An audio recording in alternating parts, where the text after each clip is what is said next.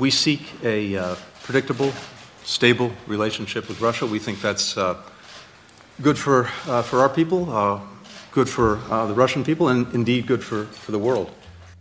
USAs utenriksminister og Russlands utenriksminister de bompa albuer denne uka. Smilte og lovte god stemning framover. Конечно, это очень важно для наших э, отношений, Og det er ikke bare fordi USAs nye president vil ha et bedre forhold til verdens største land. Nei, Russlands president Vladimir Putin han er også ganske gira på å ha store venner.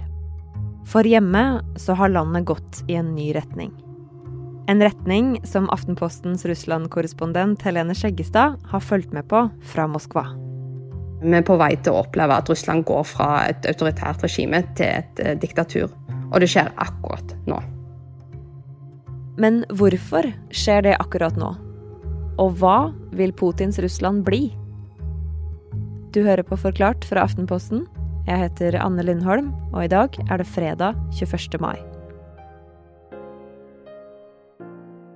Ofte så tenker jeg på den første jobben jeg gjorde her i Moskva, da jeg flytta sommeren 2019. Eh, Det skulle være lokalvalg i hovedstaden, og eh, opposisjonen ble nekta å stille.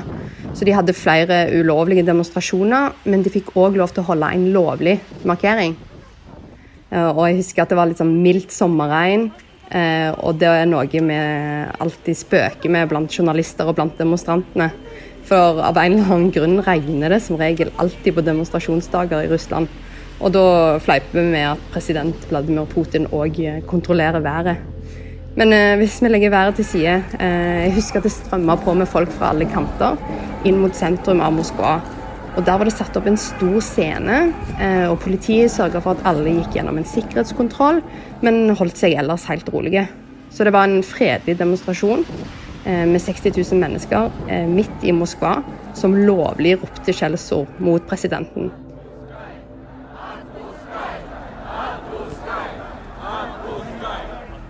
I dag er situasjonen helt annen. Nå risikerer de først og fremst å bli banka opp og arrestert av politiet. Det har vi sett så mange eksempler på det siste året. Men de risikerer òg, og blir, vil antageligvis bli, fanga opp av et av Moskvas titusenvis av overvåkningskamera. Da kan de i ettertid eh, bli oppsøkt av eh, politi eller påtalemyndigheter. Eh, de kan bli dømt og stempla som utenlandske agenter, de kan miste jobben eller havne i fengsel. Og snart kan de òg bli registrert i samme kategori som medlem av terroristorganisasjoner som IS eller Al Qaida. Så de risikerer å bruke nesten hele resten av livet i fengsel. Bare for å demonstrere fredelig for et annet Russland. Flere tusen har blitt arrestert, og folk har blitt banka opp av politiet. Og sikkerhetspolitiet har fullstendig oversikt over hvem som er på demonstrasjonene.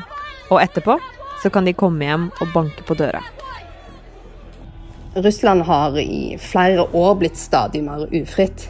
Men den siste brutale bølgen det handler om én mann, og det er Aleksej Navalnyj. Привет, это Навальный. Я же говорил, что вся эта история с отравлением круче голливудского фильма. Han er denne fryktløse bloggeren som bygger seg opp til å bli Putins største fiende. Han har bygga opp organisasjonen sin over hele det enorme Russland eh, og ble en lederfigur. Eh, I tillegg til det så har vi år etter år sett stadig flere demonstrasjoner over hele landet. Og hver tredje russer sier at de ville gjerne delta i en eh, massedemonstrasjon. Man venta egentlig bare på en gnist, og den kom på et ganske uventa sted i fjor sommer. Og hvor var det? Det starta egentlig som en enkel nyhetsmelding. Eh, En guvernør er arrestert helt øst i Russland, i, i byen Habarovsk. Og det er egentlig ikke så uvanlig at politikere blir arrestert. Men eh, denne guvernøren, som heter Sergej Furgal, han var genuint populær i befolkningen i eh, området sitt. Og nå mente denne samme befolkningen at Moskva, eh, og da Putin, hadde tatt fra dem deres guvernør. Og i månedsvis så samla titusen seg for å kreve svar fra hovedstaden, og de ville at Furgal skulle løslates. Eh, Og på noen demonstrasjoner ble det meldt om opptil 60 000 deltakere. Og, og det er ganske mange i en by på størrelse med Oslo. Um, og så, kort tid etterpå, så brøt det ut enorme protester òg i Hviterussland, på den, på den andre sida. Og ekspertene og demonstrantene de snakker om et sånt brorskap fra Minsk til Habarovsk, altså over hele det store Russland, mot autoritære ledere. Og stadig flere vågte å, å spørre spørsmålet var man i ferd med å se et folkelig opprør i Russland? Og ville det bli leda av en liten by i Russlands fjerne Østen? Men det opprøret skulle bli brutalt slått ned. Alt som er igjen, er en bestemor og en prest på Instagram.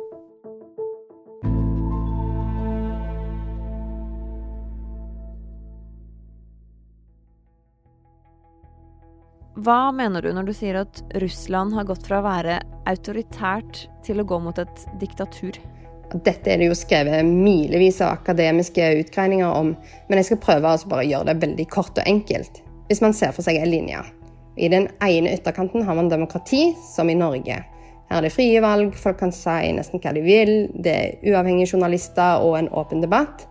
Og I den andre enden da, så har man et eh, diktatur der én person eller en liten gruppe av mennesker har fullstendig kontroll over samfunnet.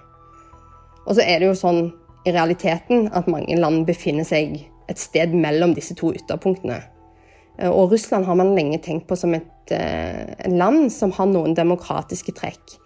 Det har f.eks. vært mange uavhengige medier, og det har vært gjennomført sånn valg regelmessig. Det vi nå ser, er at Russland får stadig færre av disse demokratiske trekkene. Landet beveger seg med en voldsom fart mot det andre ytterpunktet, diktaturet. Åssen da? Egentlig fordi jeg pleier å si at Putin har en kontrakt med den russiske befolkningen. Jeg gjør livet deres bedre, og dere holder dere unna politikk. Eh, og det er ganske viktig at han leverte på dette løftet på 2000-tallet. Men nå er det sånn at eh, det er ikke så lett for han lenger. Eh, realinntektene, eller hvor mye penger du har å bruke på å leve, de har falt eh, i fem av de siste sju årene. Og fattigdommen har økt med en femtedel i Russland. Og landets BNP per innbygger er 30% lavere nå enn det var i 2013. Så Putin leverer rett og slett ikke lenger på sin del av kontrakten. Så nå har han ett virkemiddel igjen, og det er makt. Og makta si har ikke Putin vært så redd for å bruke. Han har gjort det på flere måter de siste åra. For det første sikre sin egen makt gjennom å endre grunnloven. Nå kan han sitte til 2024 hvis han vil det. Han har for det andre sikra seg lojale støttespillere. Eh, I januar ble en gammel regel eh, fjerna.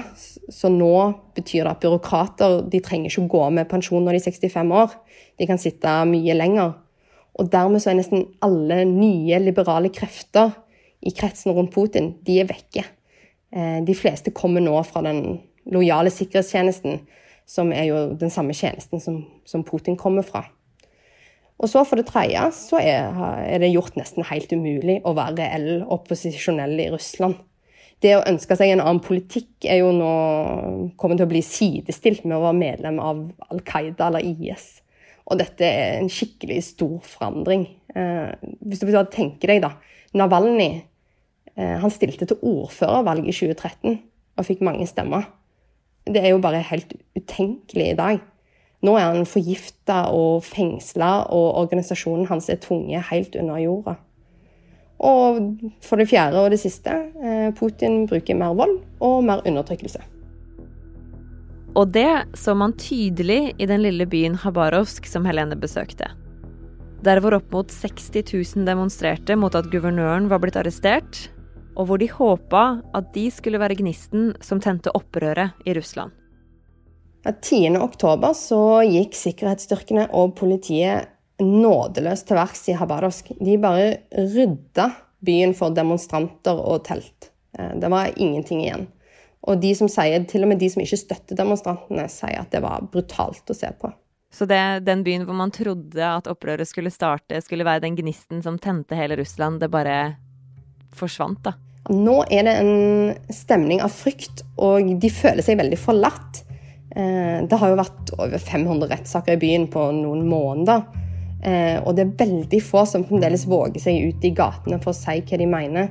De er redde for å miste jobb, venner, få hele livsgrunnlaget revet bort hvis de sier det de mener. Men f.eks. så er det jo da en bestemor og en prest som står en time hver dag på den sentrale plassen midt i sentrum. De bare står der, eh, mens presten har en livesending på Instagram der han snakker litt om politikk. Eh, for denne livesendingen da, så er han arrestert eh, ti ganger.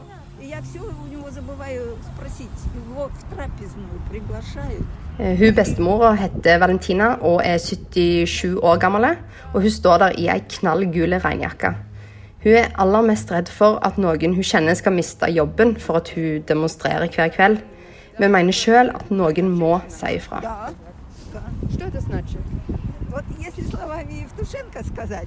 Um, og når jeg var besøkte de på denne plassen der de sto da, og snakka litt, så, så, fikk jeg òg kjenne personlig på den kontrollen og overvåkningen som finnes der. Eh, jeg sto og snakka med de to, og da kom det en politimann og prikka meg på skulderen. Eh, og han lurte på om det var jeg som var fra Norge. Og Åssen er det annerledes fra det du har opplevd før, da? Eh, når man reiser til Russland, så er man klar over at det er noen som følger med. Og det har de sikkert gjort. De har visst hvor jeg har vært og fulgt med litt. Men dette er første gang jeg merka at de var opptatt av å vise at de fulgte med. Sjøl om de her skritta som Putin har tatt, nok betyr at han er redd, så betyr ikke det at han er svekka.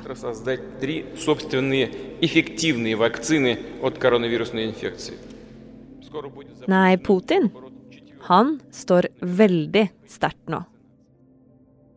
Hvis du ser for deg Russland som en gryte med vann på en komfyr. Eh, vannet koker ikke før det når 100 grader. Så for et år siden var kanskje temperaturen i vannet på ja, 30 grader. Da er det fremdeles lenge til det koker. Men Putin gjør allikevel alt for at det ikke skal skje. Han har satt på et lokk, og så har han begravd hele gryta under et fjell av stein. Og han prøver febrilsk å ødelegge knappen som kan skru på varmen igjen. Og det handler ikke bare om paranoia. Eh, det handler om noen få trekk som han og regimet frykter. For det første så har vi sett at russernes tillit til Putin den er ikke urokkelig. På noen år hadde han plutselig mista halvparten av tilliten. Og for det andre så klarer ikke russiske myndigheter å kontrollere informasjonen til borgerne sine. Og det handler egentlig om én ting, og det er internett. Der eh, f.eks. Kina har full kontroll på internett, er det nesten helt fritt i Russland. Og det har russerne vent seg til. F.eks. er det langt færre som sier at de stoler på det de ser på russisk statlig TV, altså det som kommer ut fra Kreml, nå enn det det var for bare noen år siden. Og sist, men ikke minst, sånn som Helene var inne på i stad, Økonomien i Russland går dårlig. Folk har fått dårligere råd, og trua på at Putin kan fikse det, den er ikke så sterk lenger. Nå prøver president febrilsk å overbevise egne borgere om at dette ikke stemmer. Han kan gi dem et bedre liv, og det er bare han som kan lede dem trygt fremover. Putin og russiske myndigheter har slått hardt ned på det som kanskje kunne blitt et folkelig opprør nå, kan det hende at den gryta kommer seg ut fra under fjellet? Kan vi se et nytt opprør snart? Nei, det tror jeg ikke. Det fjellet av stein er veldig tungt. Eh, og brutal maktbruk eh, virker. Og det har vi sett det siste året. Det brukes fordi det virker. I tillegg så er Russland verdens største land, og det er vanskelig å koordinere et opprør i et land med elleve tidssoner og ikke så mange unge og en svekka middelklasse. Og så I tillegg må vi ikke glemme at Putin fremdeles står sterkt i deler av befolkningen og har støtte fra mektige eliter. Så hva med folket i Russland, da? Hvor er det på vei for dem? Jeg pleier å si at Russland er ikke Kina. Her er det fremdeles lett å finne folk som åpent snakker kritisk om makten og om Putin. Og de unge kommer ikke til å gi fra seg friheten på internett eh, uten motstand. Men all organisert motstand ser ut til å være slått ned for denne gangen. Men det som alle i Habadov sa, var at de aldri kunne gå tilbake til sånn som det var før de ble politisk aktive. De klarer ikke å glemme det som har skjedd. Så det er sådd et frø av forandring hos de og hos mange andre russere. Når det frøet vil bli noe mer, det vet ikke jeg. Det kan ta to år, fem år, ti eller sju år. Men jeg er ganske sikker på at motstanden kommer til å blomstre igjen.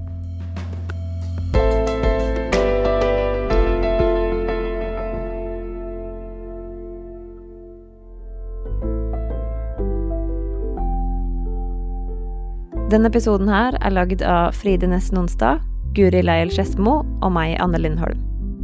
Resten av Forklart er David Vekoni, Ina Swan og Marit Eriksdatter Gjelland. Du hørte lyd fra nyhetsbyrået AP og fra YouTube-kontoen til Aleksej Navalnyj.